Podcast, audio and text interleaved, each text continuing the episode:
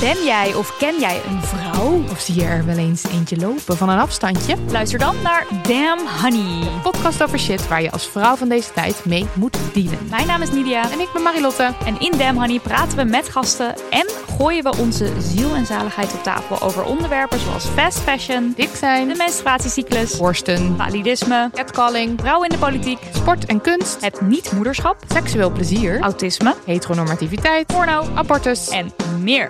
Elke zaterdag in je podcastfeed.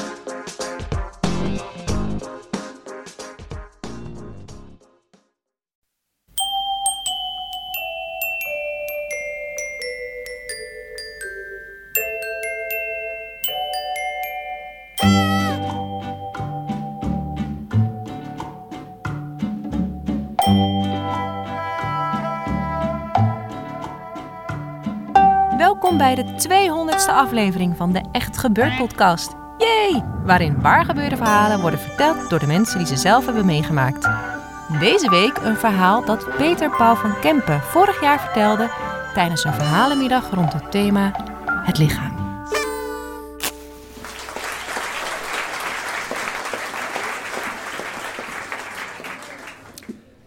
Ik eh, mijn eindexamenjaar zat, eh, wilde ik heel graag naar Amerika. Ik had namelijk op school gezeten toen ik 15 was in Berkeley, California. En het was een fantastisch jaar voor mij geweest. Blauwe lucht, palmbomen, maar vooral ook hele leuke vrienden.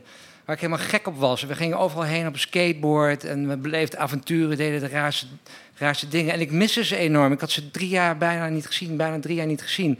Dus ik wilde, ik terug, ik wilde mijn vrienden weer zien. Alleen dat was duur. Het was duur om naar Amerika te gaan en eh die reis, et cetera. En dat geld had ik niet. Dus ik was aan het puzzelen van eh, hoe krijg ik dat voor elkaar? En zo kwam ik op het idee om eh, naar een zomerkamp te gaan en dus te werken in een zomerkamp in Amerika. En dat kon via Camp America. Dat is een organisatie en dan kon je dan via die organisatie solliciteren. Dus eh, ik ging voor de eh, functie van waterfront specialist. eh, waterfront specialist. Dan kon je bijvoorbeeld zijles geven. En ik had zijles gegeven in een kamp. Dus ik dacht, mooi, dat is prima. En je moest dan ook wel zwemles geven. En, en dat had ik dan weer niet gedaan. Maar ik dacht, ik waterpolo al jaren. Ik zit bij een zwemvereniging. Ik vul gewoon in dat ik dat heb gedaan. Er is nog wel tijd. En dan ga ik dat ondertussen doen. Dan komt dat wel goed. Dus eh, zo geschieden. Ik stuurde mijn sollicitatie op. Eh, ik begon eh, zwemles te geven. Dat was trouwens hartstikke leuk. Eh, gaf les aan van die kleine, kleine hummeltjes in, in, in het ondiepe, het ondiepe bad. Leerde ik ze school, schoolslag zwemmen. Daar heb ik enorm van genoten. Ondertussen wachtte ik ongeduldig af van gaat er wat gebeuren, gaat er wat komen. En op een gegeven moment plofte er een brief op de mat. Ik maakte hem open en ja, dat was gewoon een brief van Camp Liahona. En ehm, ik was aangenomen als, als eh, waterfront specialist. Ik dacht, jee, dat is te gek. Ehm, eh, alleen, eh, er was nog één eis. Ik moest wel een kopie van mijn reddingszwemdiploma opsturen. Nou, dat had ik niet. Ik had geen reddingszwemdiploma. En ik had ook geen tijd meer om dat te halen. Ehm, maar ik had wel diploma C. Diploma C, dat is inclusief eh, één baantje reddingszwemmen... Met een, met een hele gewillige drenkeling die je dan zo bij de oren vasthoudt. Dat had ik eh, gehaald toen ik acht was. Dus ik naar zolder, zoeken... eh, eh, nou, niet te vinden, gewoon. Ehm, dus ik dacht, ook geen probleem. Weet je wat, ik zwem gewoon nog een keer af bij de zwemvereniging. Dat kon ook. Geen, dat kon, dus ik sprong een keer op een avond eh, in het zwembad met eh, hummeltjes. Dit keer hummeltjes van negen jaar. En eh, trok een baantje eh, reddingszwemmen. Dat ging allemaal goed. Kreeg het diploma, maakte een kopietje. eh, diploma C, stuurde het op, alles oké. En zo kwam ik een paar weken later kwam ik aan in Amerika, waar ik werd opgehaald door de camp director himself van het station waar ik naartoe was gereisd, Bob Bagley. Die kwam aangeschommeld in zo'n dikke Chevy. En Bob Bagley was een echt Amerikaan, weet je, was eh baseballpetje en eh, een, een, een t-shirt om zijn enorme buik spande van Camp Liahona. Hij was heel trots op het kamp. Hij woog iets van 160 kilo, maar eh, een hele goede vent. En eh, de volgende ochtend ging hij dan eh, het terrein laten zien, en alles uitleggen. Eh, samen met Wong. Wong die kwam uit Hongkong. En dat was mijn eh, eh, collega, waterfront specialist. Eh, ja, atletische Aziat, Hongkong-Chinees, ehm, perfectionistisch, aardig vent. Dus Bob Bagley liet eh, het terrein zien. Een schitterend terrein, glooiende, glooiende grasvel, eh, mooie bomen, houten kampgebouwen. En toen kwamen we bij het meertje, met ook om, omringd door bomen omzoomd. En, eh, en een strandje, dat was dus on- ons terrein. Een boothuis stond daar ook, dat was ons domein. En Bob legde alles uit. Op het strandje stond zo'n hele grote witte lifeguardstoel. En hij, legde uit hoe het allemaal ging. En toen zei hij van, ja, en eh, jullie zijn natuurlijk ook lifeguard. Hebben jullie dus dienst als lifeguard. Dit is die stoel, dan zit je met het fluitje. Je kent het wel, het spreekt voor zich. Toen dacht ik, oei, oei, nu, dat is wel eventjes eh, andere koek. Dus eh, toen ik weer in het houten huisje was, wat ik deelde met Wong die avond, toen vroeg ik aan hem van, goh, wat is dan, wat is jouw ervaring met reddingszwemmen? En Wong zei eh, heel trots eh, dat hij allerlei diploma's had en eh, legde dat uit. Dus ik lag in mijn bed, later lag ik te woelen en dacht ik van, ja, wat moet ik nou doen? Moet ik dan bekennen dat ik helemaal niet kan reddingszwemmen? En, en dan? Dan word ik ontslagen, dan moet ik de hele zomer gras maaien en afwassen. In het beste geval, misschien sturen ze hem wel naar huis. Of misschien trekken ze diploma C weer tevoorschijn en zeggen ze... wat is dit dan, diploma C? Ehm, dus de volgende ochtend toen eh, moest ik beginnen en ik, eh, moest ik eerst het, het, het, het, eh, het, strand harken. Daar begon de ochtend mee. Ik had de radio aangezet. Brian Adams, Summer of 69 stond in de hitparade. Ik dacht, wat moet ik nou doen? Ik zat echt bij in mijn maag. En toen vond ik in dat boothuis vond ik een, een boek over reddingszwemmen. Toen dacht ik, ah, ik, dat, is het, dat is mijn redding. Dat is, het- ik ga gewoon het boek lezen en ik, ik leer het uit een boek. En dus in dat boek stond dus van dat reddingszwemmen heel gevaarlijk is. En dat. ja, het is echt waar. Het, is, eh, drenkeling is paniek. En die klampen gaan je vast. En opeens wist ik weer ook. eh, mijn mijn overgrootopa is, overleden. Die kon prima zwemmen. En die is door een drenkeling vastgeklepen. En, en is, is gewoon verdronken. Het is echt serieus gevaarlijk. Dus. Dus ik, ik bestuurde dat boek en ik zocht een techniek uit. En die gaat ongeveer als volgt. Je, je grijpt de drenkeling bij de pols. Je trekt hem zo eh, eh, om, om. En dan eh, heb je hem goed vast. En dan ligt hij met zijn rug op je borst. En dan heb je hem helemaal onder controle. Dus ik dacht, dat, dat wordt mijn techniek. Die ga ik uit mijn hoofd leren. En in mijn hoofd was ik dat maar aan het oefenen. Ik kon het natuurlijk niet in het echt oefenen. Dus ik zat daar echt.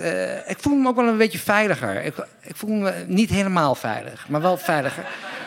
Eh, dus als ik dan eh, op die stoel zat met mijn fluitje, dan was het wel oké. Alleen wat bleek nou? In het weekend kwamen daar allemaal mensen uit de omgeving eh, zwemmen. En ehm, je moet je zo voorstellen, je had het strandje en had je van die lijnen zo, die het zwemgebied afbaken. En had je twee platforms waar je, waar je, waar je op kon klimmen en op kon liggen en af kon duiken.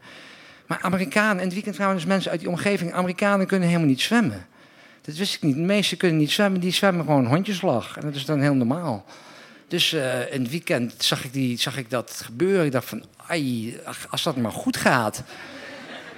en eh, ja, eh, dus, dus nou, het, het was het tweede weekend, een schitterende dag. De zon scheen, licht reflecteerde zo op het water. En toen zag ik inderdaad een meisje dat in de, in, in de problemen kwam. Ze zwom een hondjeslag zo richting dat platform, maar het ging kopje onder. En, en, en nog een keer kopje onder. En ik dacht, dit is het moment. Dus ik sprong uit die stoel. Ik rende zo over dat strand, eh, een soort Baywatch, en dook in het water. En ik krolde naar haar toe. Ik pakte haar bij de pols en, en ik... En ik zwom, maar zij, zij, zij stak met haar hele hoofd buiten het water. Ze zat op mijn buik. Dus dat zag er eh, heel raar uit. Eh, nou ja, het zag ook wel. Maar ik kwam, ik kwam aan, aan de kant en eh, ze werd onder, onder haar hoede genomen door, door een paar mensen. En, en Wong kwam naar me toe en die zei van, dit is te gek. De hele hoofd van buiten het water. Wat, wat, wat is dat voor een slag? En, eh, en s'avonds kwam ook Bob Bagley naar me toe en die zei... eh, nou, je hebt iemand gered, ik heb het gehoord... en je hebt een hele bijzondere slag. Hoe heet die? en ik zeg, ja, dat is de Dutch techniek. dus het... ja, ik heb dus die zomer heb ik, heb ik nog, nog, nog drie mensen gered. eh.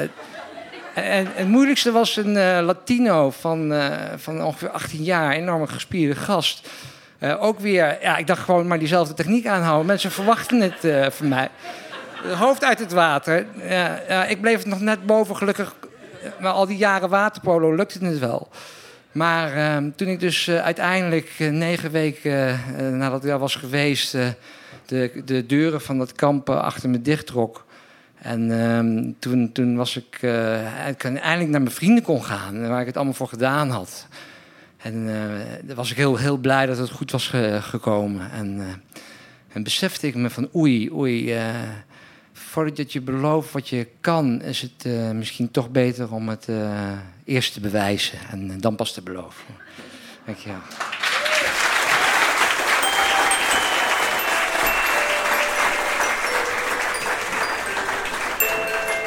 was het verhaal van Peter Paul van Kempen.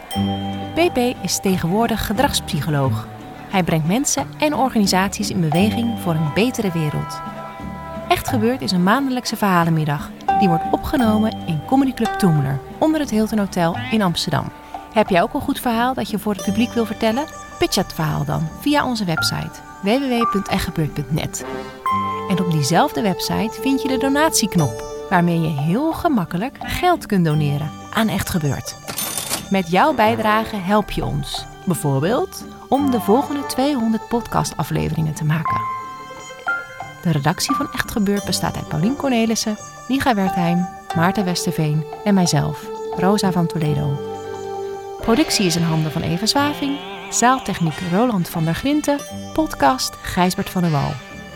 Dit was aflevering 200. Tot volgende week en vergeet niet, als je op het strand ligt, kijk dan eens naar die strandwacht. Misschien redt hij wel met de Dutch techniek.